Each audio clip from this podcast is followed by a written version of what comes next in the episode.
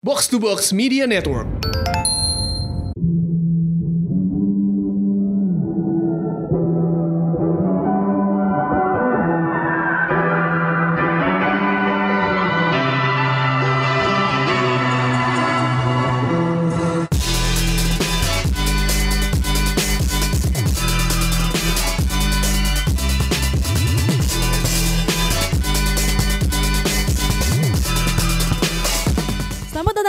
Podcast. Ada gue Lisa Dan gua dan gua Angga. dan kita sekarang lagi di Jogja. Asik. Gimana nih, nggak kita di Jogja? Sampean ke Jogja ya walaupun Udah beda-beda hari. kebelengar belum nonton film-film di JAV minggu ini? Belum sih, cuma kalau udah malam banget pasti gua ngantuk. Seperti biasa sih Aul. Gue sebenarnya udah tumbang nih dari kemarin. Iya, lu cuma- suara lu udah berubah nih. Ya. lumayan, lumayan. Tapi semoga ini nggak terlalu berubah ya. Eh, di sesi In Frame eh, kali ini kita bakal ngobrol dengan Sekar Sari. Siapa tuh Sekar Sari? Siapa Iya. sih Sekar Sari? Sekar Sari ini yang main film City. Nonton gak nggak? Nonton, dong, nonton lah, nonton lah. Film terbaik Piala Citra tahun 2015. 2015 Iya, ya. iya. Jadi kita akan ngobrol-ngobrol dengan Sekar yang baru-baru ini memerankan film uh, The Man from the Sea karyanya Hmm. sutradara Jepang Koji Fukeda. Film ini jadi film pembukaan di JAV tahun ini. Oke. Terus sempat tayang juga, Oke. ya sempat tayang juga di Cinemax uh, dua tiga atau dua tiga hari setelah festival mulai sempat tayang lagi. Oke. Uh, di sini Sekar memerankan jadi seorang uh, jurnalis muda. Sebenarnya aspiring Oh, jurnalis sih dia pengen oke. jadi wartawan, dia punya scoop, tapi uh, susah nemuin um, media yang mau nerbitin berita dia karena dia belum dikenal kan. Oh, dia di freelance. Uh, Iya, di- Reporter, ceritanya ya. dia masih mencoba jadi jurnalis gitu. Oh, Oke, aspiring ya. Iya, Jadi kita bakal bakal ngobrol tentang bagaimana sih uh, produksi dengan sutradara Jepang di Aceh pula gitu kan. Di sini Sekar pakai harus pakai hijab soalnya karakternya. Tertutup banget Mm-mm, hijabnya. mm, karena kan di Aceh settingnya dia jadi perempuan Aceh ceritanya. Oh, Terus dia sempat latihan Aceh. bahasa Aceh juga gitu. Oke. Mm. Tapi seperti biasa di uh, episode In Frame kita harus ngobrolin uh, film news dulu nih nggak? Oke. Film ini ada berita apa aja nih nggak? Dari Indonesia ada nggak Yang dari Indonesia? Lokal dulu ya, yang lokal. Indonesia ada Dari nih lokal, berita ya. pendek aja ya. Jadi Iya, iya. untuk hari ini ternyata film eh, horor Susana horor komedi sebenarnya. Susana bernapas dalam kubur itu berhasil eh, menyentuh angka jumlah penonton 3 juta Wow. 3 juta 29 ribu lebih Mm, penonton. Ini setelah berapa hari 18 tayang? hari. 18 hari ya. Itu masuk cepat dan eh, yang men- yang lumayan mencengangkan sebenarnya dalam empat hari pertama har- eh, penayangannya mereka dapat se- sejuta penonton itu cepat banget sih. Hmm, jadi Eh. itu sekarang udah 3 juta ya. Udah 3 juta. Udah Dan- 18 hari itu udah cukup lumayan lama sih sebenarnya Iya. buat film Indonesia ya nggak. Tapi kira-kira kansnya gimana nih nggak untuk sampai 4 juta nyampe nggak ya? Dapat lah ini mah. Dapat ya. Dapat awal. Kita eh, dia akan 2 terhadap Mamet nggak? Mili Iya. Mamet tuh 20 berapa ya tayangnya ya? Mili Akhir akhir bulan ini kan dia udah ya, mau tayang kan. pertengahan atau akhir bulan. Tapi maksud gua masih dapat dan hype masih ya? keluar. Kalau kalau gua ketemu teman-teman gua yang belum pada nonton Hmm. Susana, mereka pasti masih pengen nonton dan jangan lupa juga eh bioskop yang menayangkannya masih cukup banyak gitu Hmm, gitu. Dan oh ya, gue juga mau update juga sekarang di dengan angka jumlah penontonnya 3 juta ini dia menjadi film yang cukup apa ya? Menjanjikan lah Hmm. untuk jadi salah satu film paling Laris. laku tahun ini gitu. Berapa angka yang harus di itu 4 juta ya? 4 juta ya 4 untuk juta, 4 juta. tahun lalu itu apa sih yang paling yang film paling Warkop.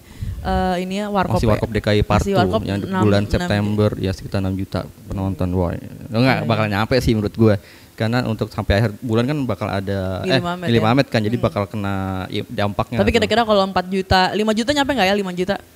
Gua nggak yakin sih. Nggak yakin ya? Ya, nggak Empat yakin. setengah, Empat empat jutaan setengah. lah, 4 jutaan. Nawar-nawar.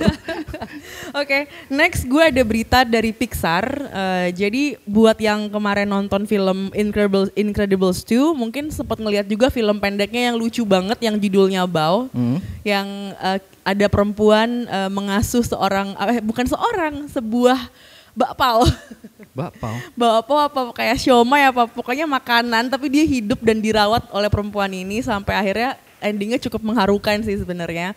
Ya intinya tentang motherhood juga. Ini film pendek yang disutradarai oleh eh, Domeshi. Dia adalah sutradara perempuan pertama yang menyutradarai film pendek buat Pixar. Hah?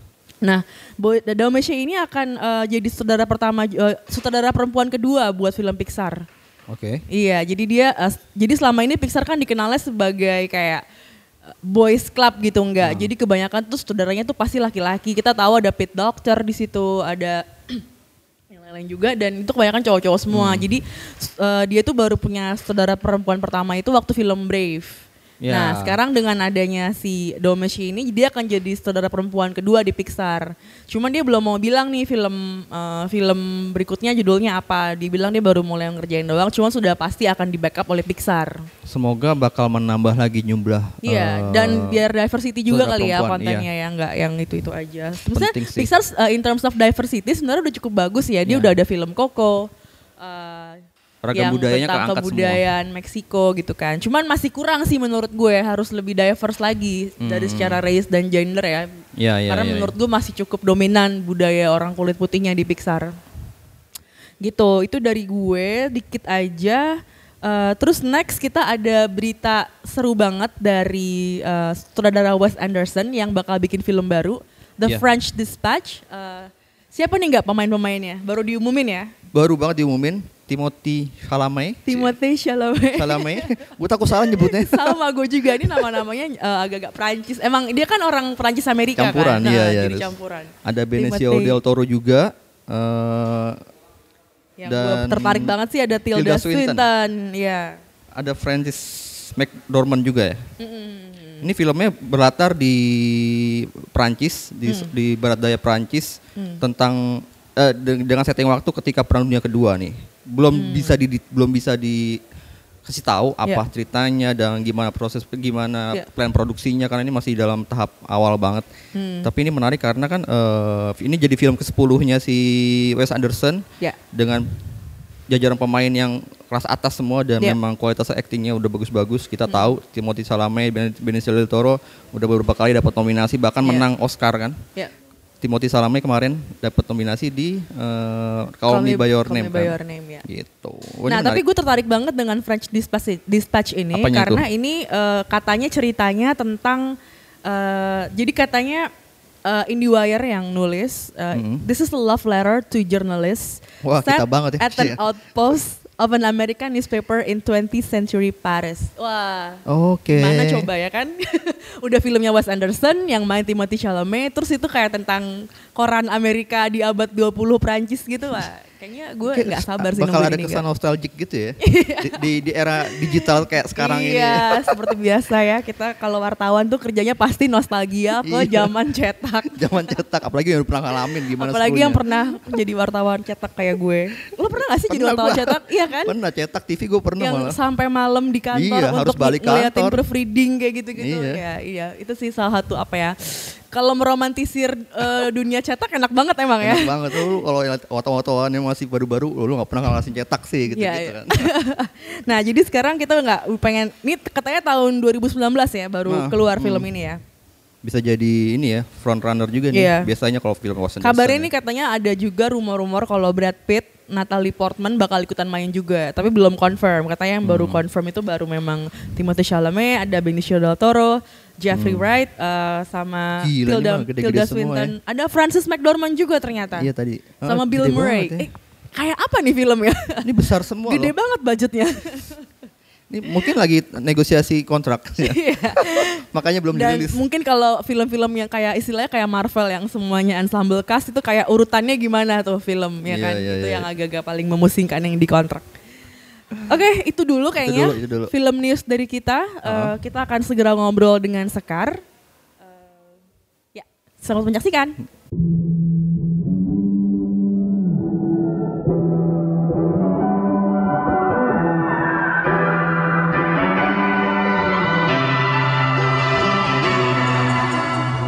Showbox Podcast. Sekarang Lisa dan Angga sudah bersama seorang yang spesial. Spesial. tamu. Ini kita aktor perempuan pertama ya buat Iya, iya, Showbox buat Podcast Showbox. ya enggak ya. Ini, Akhirnya episode ada Inframe. Mbak Sekarsari. Halo Mbak. Selamat siang. Terima kasih sudah menyediakan waktunya buat Showbox Podcast. Iya, senang banget juga bisa join di podcast ini.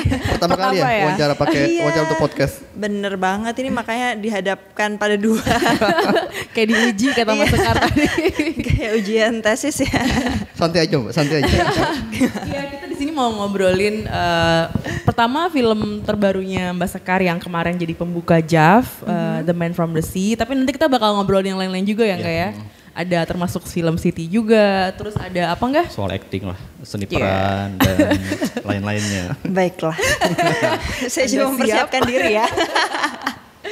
Eh, eh, awalnya sebenarnya aku udah sempet ngobrol sama Mbak Sekar sih em, tentang film The Man from the Sea ini ya, eh, dan aku tuh tuh nanya, tapi sekarang mungkin boleh diobrolin lagi tentang eh, Koji Fukeda sebagai seorang sutradara gitu Mbak. Jadi ketika eh, dia menjelaskan tentang konsep The Man from the Sea, karena filmnya eh, ini kan drama fantasi ya, dia Iya. eh, menggambarkan alam dalam karakter manusia gitu kan. Jadi memang ketika nontonnya tuh uh, ada bagian-bagian yang ya fantasi gitu kayak lari di atas air kayak gitu-gitu. Uh, Ketika pertama kali di apa sih uh, dijelaskan tentang konsep film ini, uh, gimana reaksi Mbak Sekar waktu itu?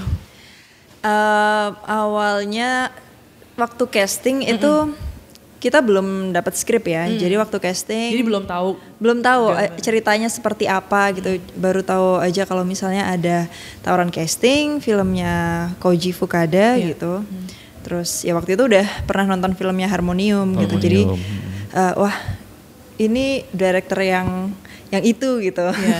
Dan suka harmonium. eh, suka karena apa ya intens banget dan surprising gitu loh ceritanya gitu. Makanya wah kayaknya seru gitu. Terus diba- disuruh baca beberapa line dalam eh, skrip itu gitu, tapi belum tahu keseluruhannya. Jadi waktu casting, di casting di hadapan kamera gitu. Jadi waktu itu belum ada Koji dan sebagainya. Jadi adanya Mas Edwin waktu itu, Edwin Palari. Eh, itu sih waktu itu. Terus disuruh eh, menceritakan tentang diri sendiri dan memperkenalkan diri dan ya bercerita bertutur biasa gitu. Itu sih waktu castingnya. Terus pertemuan kedua sama Koji melalui em, Skype.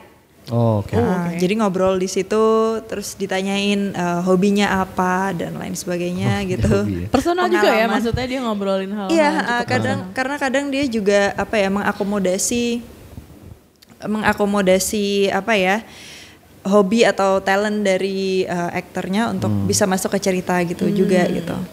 Terus uh, nah di situ setelah terima skripnya full gitu terus kayak oh beda banget ya sama harmonium ternyata gitu. Kalau harum kalau harmonium uh, fiksi tapi ya maksudnya realis ya. Kalau oke. um, The Man from the Sini ya emang ini fantasi gitu. Tapi yang membuat saya tertarik ya itu bagaimana eh, personifikasi alam ke bener-bener ke s- sosok manusia gitu. Iya. dan ya secara secara alur cerita juga juga menarik gitu. Eh, tentang pencarian identitas Iya. gitu tentang eh perbedaan kultur juga tentang sejarah panjang relasi Indonesia Jepang jadi banyak hal sebenarnya Iya. yang ingin dibahas di sini dengan metafor-metafor gitu. Jadi tapi tetap jelas gitu al- alurnya narasinya gitu. Jadi tertarik banget untuk join. Aku tertarik banget dengan ini sih Mbak ketika ngomongin relasi Indonesia Jepang ya. Karena di film itu kan yang dibahas tuh tentara Jepang waktu Perang Dunia Kedua gitu ya. Tapi bukan waktu masa kolonial kolonialisme gitu. Itu sempat dibahas nggak dengan eh, Koji waktu itu?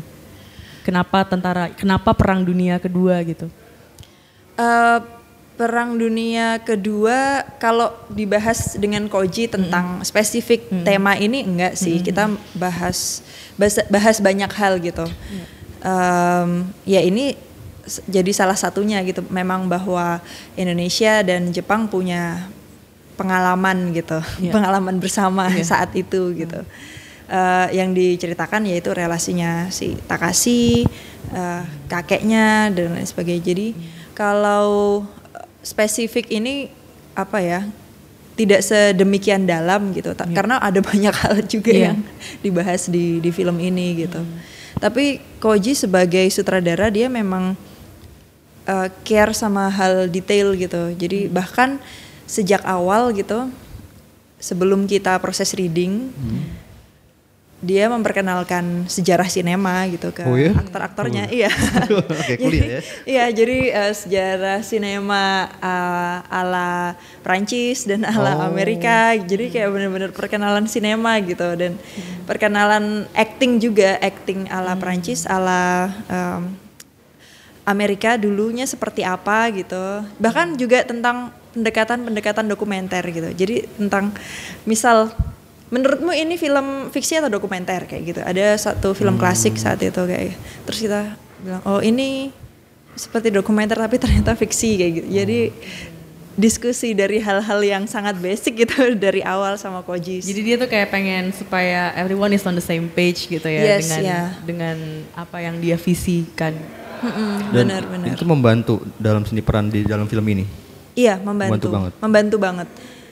Terutama karena saat itu jadi sebelum Koji datang ke Indonesia untuk kita Hmm. mulai proses reading dan lain sebagainya waktu itu eh, kami saya dan Adipati terutama mulai dulu belajar bahasa Acehnya gitu. Oh iya iya. Jadi kita mulai belajar bahasa Aceh yang cara bertuturnya itu kan sangat berbeda ya, cukup Iya. berbeda karakternya gitu. Eh dan di situ oke segini nih beneran segini karena bahasa Aceh sama bahasa Indonesia pun eh kayak apa ya cukup kontras juga ketika apa mulai bertutur latihan bertutur gitu terus eh beneran nih kita bakal segini nih karena misal oh kok kayak waktu itu kesan awalnya tuh lo kok kayak ini ya agak keras ya kayak Oh, gitu. kok kayak marah-marah ya kayak gitu Terus bahasa kayaknya waktu- orang Jawa ya. Karena Jawa Orang Jawa ya. terus habis gitu, gitu. sama teman-teman yang waktu itu readingnya di Jakarta kan eh, belajar bahasanya kan di Jakarta ya Ada terus coachnya juga. Ada ada coach. Ha, ha, Oh. ha. Buat apa logatnya itu ya? Buat Ha, ha, sampai M toh awalnya waktu itu Oh, kita oke. belajar terus eh sama teman-teman yang udah reki ke sana gitu emang kayak gitu mbak kayak gitu Oh. emang kayak gitu sekar oh oke segini kayak gitu terus habis gitu pas Koji datang dan eh, beberapa pemain apa dari Jepang datang juga ke ke Jakarta terus kita reading bareng terus kayak kok yang dari Jepang kelihatannya bisik-bisik banget ya kalau pas waktu dialog gitu loh kayak ngobrolnya tuh kok kayak bisik-bisik aja gitu. Terus Sunyi gitu ya. iya jadi kayak wah ini kebayangnya gimana ya besok filmnya jadinya. Jadi kita di situ eh, ya gitu mempersamakan eh, persepsi dan frekuensi juga gitu. Kita akan bikin yang seberapa kayak gitu. Kalau waktu itu sempat di apa sempat dapat semacam eh, introduction dari Koji ya soal sinema dunia, sejarah sinema dunia dan kita kan sekarang lagi di JAV nih, lagi di Jogja yang memang eh, tempat untuk merayakan sinema Asia gitu. Kira-kira eh, bisa digambarkan nggak sih eh, perbedaan sinema Asia dengan sinema-sinema lainnya kalau udah udah kalau kalau udah ngomongin perpetaan sinema global gitu, eh, Mas Sekar, sinema Asia tuh seperti apa sih? Kalau menurut saya sinema Asia ini sangat kaya ya, beragam gitu. Eh, dilihat juga dari rootnya gitu, eh, perkembangan sinema dan juga medium-medium lain seperti seni pertunjukan gitu kan. eh kadang batasnya itu sangat fluid gitu. Iya. Dulu misalnya untuk melihat suatu pertunjukan kayak misalnya eh drama tari gitu. Itu kan kita nggak bisa mengklasifikasi ini sebagai tari, ini sebagai satu pertunjukan drama karena memang jadi satu gitu. Saya rasa itu juga yang mempengaruhi perkembangan uh, sinema Asia juga gitu. Ada banyak sekali sinema-sinema di Asia gitu. Uh, contohnya juga karya-karyanya Mas Garin yang mengangkat tentang uh, film tari kayak Iya. gitu dan juga ada ada banyak sekali uh, film-film di Asia di Indonesia yang uh, menuturkan narasi melalui yaitu gestur gerakan kayak Iya. gitu. Dan itu um, sangat spesifik gitu. Terus juga ada attachment attachment terhadap keluarga terus kehidupan spiritual kehidupan religius kayak gitu. Itu yang membuat apa ya spice-nya tuh kaya gitu jadi berasa banget. Eh lupa bilang juga nih nggak sebenarnya eh, Sekar ini sempat sekolah nari juga ya Oh, kan? ya? Iya.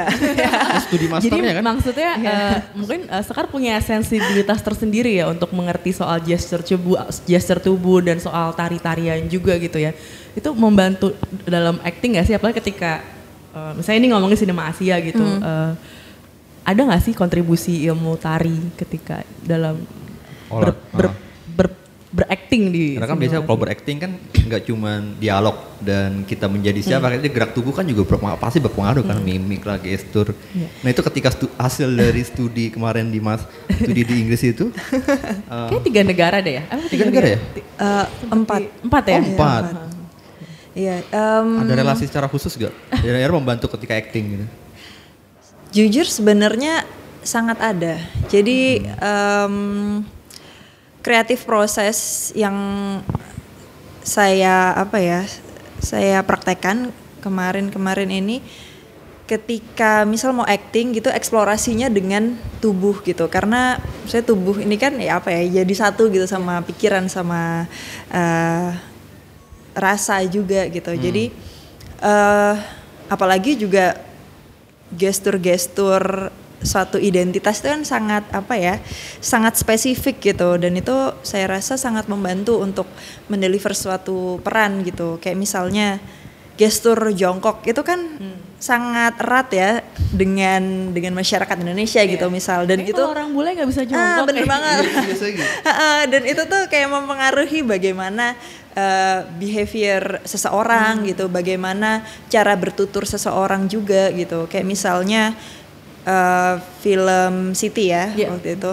Jadi di situ gestur dia eh dia seorang perempuan yang tegas, eh, tapi dia juga sebagai seorang apa ya LC karaoke gitu yang punya ability untuk untuk nari kayak gitu. Tapi eh ada perbedaan gitu kayak misalnya orang yang nari di apa LC eh, karaoke gitu sama i- dengan ruang dan waktu yang berbeda gitu. LC karaoke tentu beda sama penyanyi dangdut beneran gitu. Terus juga ada apa ya? Ada ada keterbukaan atau ada ada sisi introvert juga gitu yang yang cukup delicate gitu dan eksplorasi tubuh ini sangat sangat signifikan menurut saya untuk bisa mendalami suatu karakter gitu. Pas kemarin di filmnya The Man from the Sea ini kan setting di Aceh, budaya Aceh, kamu kultur Jawa dan harus pakai ba- intonasi bahasa Aceh yang agak tinggi itu gitu kan. Gimana tubuh ber- kamu sebagai aktor dan punya background studi di tarian lalu bereaksi terhadap lingkungan di sana dan untuk untuk, untuk kepentingan pembuatan film ini? Ada secara spesifik ininya eh, eksplorasi yang kamu pakai di sana gitu kebetulan dulu saya udah pernah belajar em, tari saman. oh oke Ha, waktu kuliah gitu. Terus tapi ya tentunya udah lupa ya tari saman. tapi kemarin coba lagi, praktekin lagi, terus eh, selain eksplorasi tubuh juga suara-suara gitu loh. Jadi saya dengerin musik-musik eh, t- tarinya saman gitu untuk untuk bisa apa ya, untuk bisa dapet cita rasanya gitu loh. Itu sih yang gitu, sangat membantu juga buat saya ya. Eh, jadi kayak tegasnya perempuan Aceh sama tegasnya perempuan Jawa, saya rasa ya beda gitu. dan itu kayak- terrepresentasikan di, di lewat musik juga ya Iya, menurut saya eh, Iya, cita iya. rasa itu tegasnya bertutur kayak gitu itu ter apa ekspresi luapan-luapan em, emosi atau atau kebahagiaan ekspresifnya tuh beda gitu dan itu tergambarkan menurut saya di di lewat musiknya lewat eh, cara bertuturnya gitu kayak misalnya di apa di tari saman itu kan ada banyak apa ya kalau di musiknya itu kan oral ya apa semua musiknya di tari saman jadi kayak ada teriaknya Iya. ada itu Iya. nggak ada di kultur Jawa yang teriak yang ah kayak gitu Iya, atau iya, yang iya. "Rrrr," kayak gitu gitu itu tuh menurut saya sangat Rame ya, apa, uplifting gitu. kayak kayak di pembukaan open apa Asian Game kayak gitu ah iya iya kayak gitu jadi eh, itu sangat membantu untuk eksplorasi Oh, peran oke. ya Tapi film, eh, film itu nggak ada adegan ini kan? Nggak ada Oh, adegan ada. sama. Jadi cuma Oh, metode kamu ada. untuk mengeksplorasi itu ya iya gerakannya. Ha-ha, untuk Menarik. bisa ini. Soal ini, tadi udah ngomongin Siti. Hmm. Eh,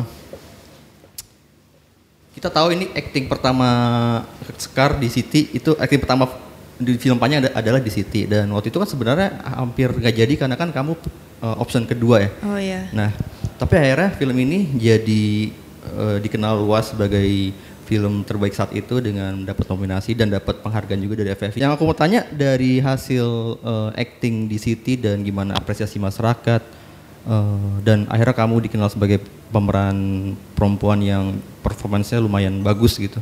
Eh, dan sekarang setelah beberapa tahun setelah City ada pengaruh secara khusus gak dari acting di City itu terhadap karir acting kamu sekarang?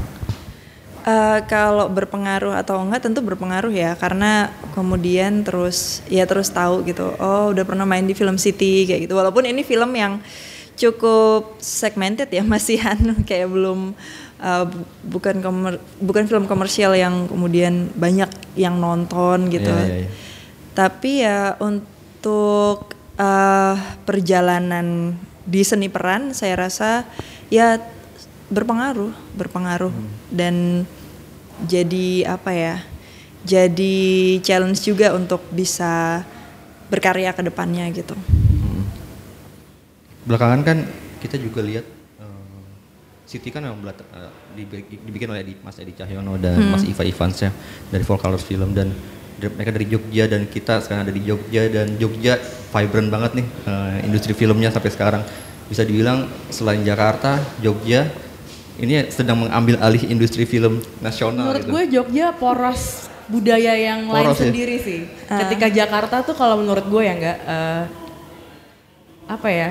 Dia tuh sangat terpengaruh dengan budaya luar menurut menurut aku ya. pop culture luar gitu. Mm, tapi kalau Jogja tuh dia dengan dia cukup apa ya lokal banget Ah. gitu dan maksudnya mereka mereka boleh dibilang kalau aku ngeliatnya agak-agak resisten dengan yang luar-luar karena mereka lebih suka mengeksplor eh, sudut-sudut kecil yang ada di kota ini dengan budaya dengan orang-orangnya gitu. Iya itu yang menarik tuh.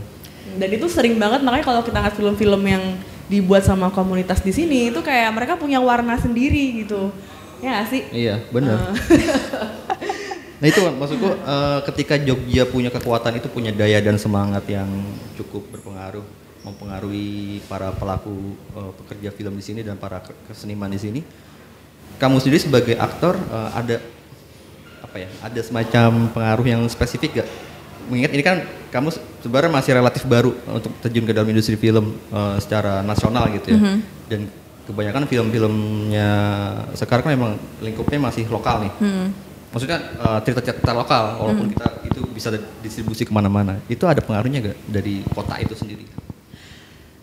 Kalau menurut saya Jogja ini tuh kota yang eh, sangat dinamis gitu di mana kebudayaan yang tradisi dan kontemporer tuh eh, berkembang bertumbuh bersama gitu di berbagai skena seni rupa seni Nggak cuma film doang. Ha, seni Musik, ya. musik dan film juga gitu jadi hal-hal ini yang eh menurut saya juga jadi apa ya jadi insight yang sangat sangat kaya gitu untuk para pelakunya gitu termasuk pelaku seni peran gitu karena misal ketika saya masih kecil gitu saya lihat eh, seni seni pertunjukan kayak misal teater tradisional kayak ketoprak kayak gitu terus juga eh, melihat proses kreatif waktu itu karena kebetulan bertetangga sama eh, Pak Hasmi yang bikin Gundala gitu. Almarhum.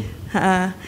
Jadi em, ada ada banyak hal yang apa ya, yang berpengaruh ke ke diri kita untuk melihat suatu satu hal gitu. Jadi jadi bisa bisa bisa punya apa ya em, referensi untuk untuk proses kreatif itu sih menurut saya. Jadi kayak misal ya saya ingat dulu oh acting di panggung itu seperti itu kayak gitu. Bagaimana bagaimana orang itu bisa sangat apa ya? Bisa sangat kreatif gitu. Saya waktu itu udah pernah lihat juga namanya ketoprak tobong ya. Tobrak Tobo. Mm-mm, itu jadi di mana eh, sutradara itu nge-direct pemainnya on the spot kayak gitu.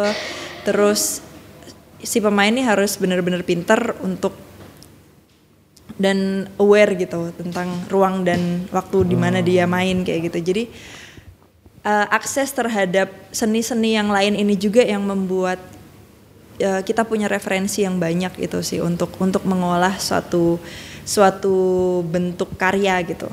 itu sih menurut saya Kalau kayak budaya yang udah terinternalisasi kayak seni budaya yang terinternalisasi dalam kehidupan sehari-hari. Kalau misalnya kita bicara eh, di Bali gitu kan, rata-rata di sana hampir semua anak remajanya di- diajarkan menari kan. Ha. Kalau Jogja tuh ada semacam itu itu juga yang apa bukan itu apa maksudnya apa budaya itu masuk ke dalam orang-orang para penduduknya dan itu bisa menjadi satu karya kan. Eh, kamu sendiri ketika masih ke- dari kecil dan akhirnya sekarang menjadi aktor ada nilai-nilai yang ditanamkan dari keluarga dan akhirnya itu membuat eh, kualitas karya ka- eh, apa performance kamu sebagai pelaku seni peran itu makin kaya gak sih? Eh, saya rasa banyak ini ya, banyak value yang mungkin nggak sengaja untuk ditanamkan gitu, Ah. tapi kayak yang ngalir aja gitu. Kebetulan eh, kayak ya itu bertetangga sama Pak Hasmi gitu yang Lingkungannya juga pengaruh ya. Ah, berpengaruh. Jadi untuk ngelihat oh gini bikin eh, bikin suatu waktu itu apa eh, telepotehi gitu, wayang potehi gitu. Dia sebagai kreator, sebagai director juga. eh, terus ada sistem manajemennya di situ. Terus juga eh, sering diajak bapak nonton kayak misalnya pertunjukan tari, eh, pertunjukan teater kayak gitu. Jadi eh sangat bi kita sangat bisa mengakses hal-hal seperti itu sampai sekarang gitu. Misalnya di di Jogja ada banyak seni pertunjukan, ada banyak eh, seni musik yang terus berkembang baik itu tradisi maupun kontemporer itu yang bikin bikin kita apa ya asupannya tuh eh, banyak gitu yang kemudian yang kita terjaga bisa ya. olah. Itu kita jarang temui di Jakarta ya. Iya. Kita nontonnya film Hollywood mulu kali ya kalau di Jakarta nih. Global gitu Lelah. budayanya. Eh, ini sih kita tahu industri Indonesia, industri film Indonesia sedang tinggi banget nih, naik eh, cepat lah lajunya kan. Sekarang udah jumlah penonton udah 46 juta lebih, itu tinggi banget dibandingin berapa tahun terakhir dan mulai jumlah produksi penonton, eh, jumlah produksi film juga makin meningkat lebih dari 120 film setiap tahunnya. Ada eh, bukan persaingan sih, udah kayak banyak kita membutuhkan banyak talenta-talenta baru kan, tapi di satu sisi juga eh, talenta-talenta lama yang udah punya nama, yang udah punya rekam jejak meyakinkan, eh, itu juga mereka masih ajak. Dan Sekar melihat ini sebagai eh, pemain film yang baru berapa ya, lima tahun, empat tahun terakhir masuk ke industri, eh, ada keinginan nggak sih untuk masuk lebih dalam ke dalam industri film untuk selevel dengan pemain-pemain yang perempuan yang udah punya nama ini, yang udah lebih eh, berpengalaman gitu. Kalau saya sih nggak membatasi diri ya untuk eksplorasi gitu. Eh, di mana pun ruangnya, di mana pun eh, bahasannya gitu. Jadi saya rasa ketika eh, medium itu baik untuk untuk proses kreatif, untuk pengembangan diri dan juga untuk eh, untuk terus proses belajar dan eh, ya itu proses kreatif. Jadi kenapa enggak untuk untuk dijajaki. Jadi saya nggak pengen membatasi diri kayak misalnya oh mau art house atau mau yang segmen tertentu saja gitu. Justru justru saya pengen belajar lebih banyak lagi sih. Apalagi apalagi kayak gitu. So Menurut Mas Sekar, be fun. Karena hobinya emang apa ya dari dulu belajar sih jadinya. eh, menurut Mas Sekar eh, ada cukup banyak cerita nggak sih untuk eh, karakter perempuan yang yang ter- yang menarik menurut Mas Sekar di film kita? karakter perempuan Iya, ya, spesifik ha, karakter iya, perempuan, ya. Eh, kalau kita memperluas perspektif kita, eh, saya rasa ada banyak sekali dan masih akan ada banyak sebenarnya layer yang bisa dijangkau gitu. Karena eh dan saya cukup percaya dengan itu gitu. Karena makin ke sini makin banyak gitu mak- makin delicate juga ketika eh, digambarkan sosok suatu perempuan gitu ada multi layered identity-nya juga yang kemudian makin dalam digalinya gitu dan nggak Boleh ngasih contoh loh. dan dan apa ya nggak apa eh, nggak main nggak mainstream ya dan nggak nggak tipikal itu aja gitu jadi cukup menyenangkan gitu aja kemarin kayak misalnya ada ada film yang saya terlibat gitu terus kayak wah lucu nih kayak Nggak gitu boleh sebut, perannya nggak boleh sebut merek apa gimana nih? tunggu aja kayak wah ini seru gitu Boleh ceritain karakternya aja nggak? Apa itu seru? Tunggu aja ya kalau udah keluar ya. Ntar kita podcastan lagi. Kamu juga wartawan yang ngorek. Korek off the record paling nanti. Sebenarnya next questionnya itu sih sebenarnya mau nanya project terbaru nih, project terbaru yang sudah boleh diumumkan. Waduh. Ya? Kan namanya usaha nih kita nih. Itu boleh diumumkan. Belum boleh diumumin ya. Iya belum. Ntar aja ya. tahun awal tahun ini kan bikin film sama film pendek sama Regas juga yang judulnya Waung. Oh iya yang iya iya. tay- udah tayang tuh di film musik makan tahun ini kok nggak salah kan. Um, itu juga karakternya lumayan aneh-aneh kan di film pendek itu. Uh, jadi uh, Sekar mungkin bisa- bisa ceritakan tuh eksplorasi eksplorasi untuk film pendek itu dan eksplorasi untuk film panjang itu sebenarnya ada perbedaan atau mungkin sama aja sih? Sekar gimana? Em, kalau eksplorasinya sedalam apa, sejauh apa, saya rasa itu sesuai kebutuhan film gitu dan saya nggak membeda-bedakan kayak misalnya eh, film panjang itu bisa lebih intens daripada film pendek. Enggak juga sih ternyata setelah dialami gitu ya. Ternyata yang film pendek juga apa ya? Juga kadang bisa oh eh, bisa se sedalam ini ya kayak apa me- menyelaminya gitu. Dan kadang sadarnya tuh kayak setelah setelah proses syuting gitu kayak oh se seserius ini ya ternyata kemarin eksplorasinya gitu. Jadi eh, ses- tetap sesuai kebutuhan Tetap sih. sesuai jadi kebutuhan. nggak nggak nggak ada planning tertentu kayak untuk misal oke nggak ada formula yang pasti dalam kayak mis secara secara rentang waktu ya gitu karena ya tergantung kebutuhan itu Soal durasi itu yang lebih pendek eh, itu nggak ada pengaruh terhadap eh, kebutuhan actingnya. enggak sih Enggak ya? lebih pada kebutuhan karakternya, kalau Karakternya. menurut saya iya tentang seberapa jauh dan seberapa lama kita perlu eksplorasi gitu Oke. Sih Pertanyaan terakhir mungkin soal Jeff nih. Eh, aku tuh penasaran sebenarnya kalau aktor datang ke film festival tuh nonton atau meeting atau reuni gitu kan. Bercengkrama yang mana? Eh, Mbak Sekar sempat nonton berapa film nih di Jeff tahun ini? Kalau tahun ini nggak sebanyak tahun-tahun sebelumnya Sibuk ya, sibuk meeting ya. Sibuk sama anak nih pasti. iya Kirana ya. Kemarin eh, waktu Q&A di Cinemax dibawa loh bayinya. Iya. depan ya? Oh aku nggak lihat. Iya, jadi eh, kalau tahun ini iya belum begitu banyak sih. Tapi yang yang seru dari Jav itu selain film-filmnya juga tentunya ketemu sama banyak orang gitu. Jadi kayak bisa reunian di tempat ini. terus dari reunian itu terus ketemu teman-teman baru juga gitu. Iya, itu iya, yang ya sangat seru di situ. Dan akhirnya selalu menunggu-nunggu Desember tiba. Mungkin ketemu calon project baru sih. Tetap dikorek. Ada nggak calon project semoga. baru? itu dia kalau calonnya belum berani untuk di-share. Next time kita pengen banget ngobrol-ngobrol sama Mbak Sekar lagi kalau project barunya udah boleh diumumin. Makasih banget Mbak Sekar udah gabung sama Showbox Makasih, Podcast. Sekar. Terima kasih Mbak Lisa, Mas Angga pertanyaan-pertanyaannya.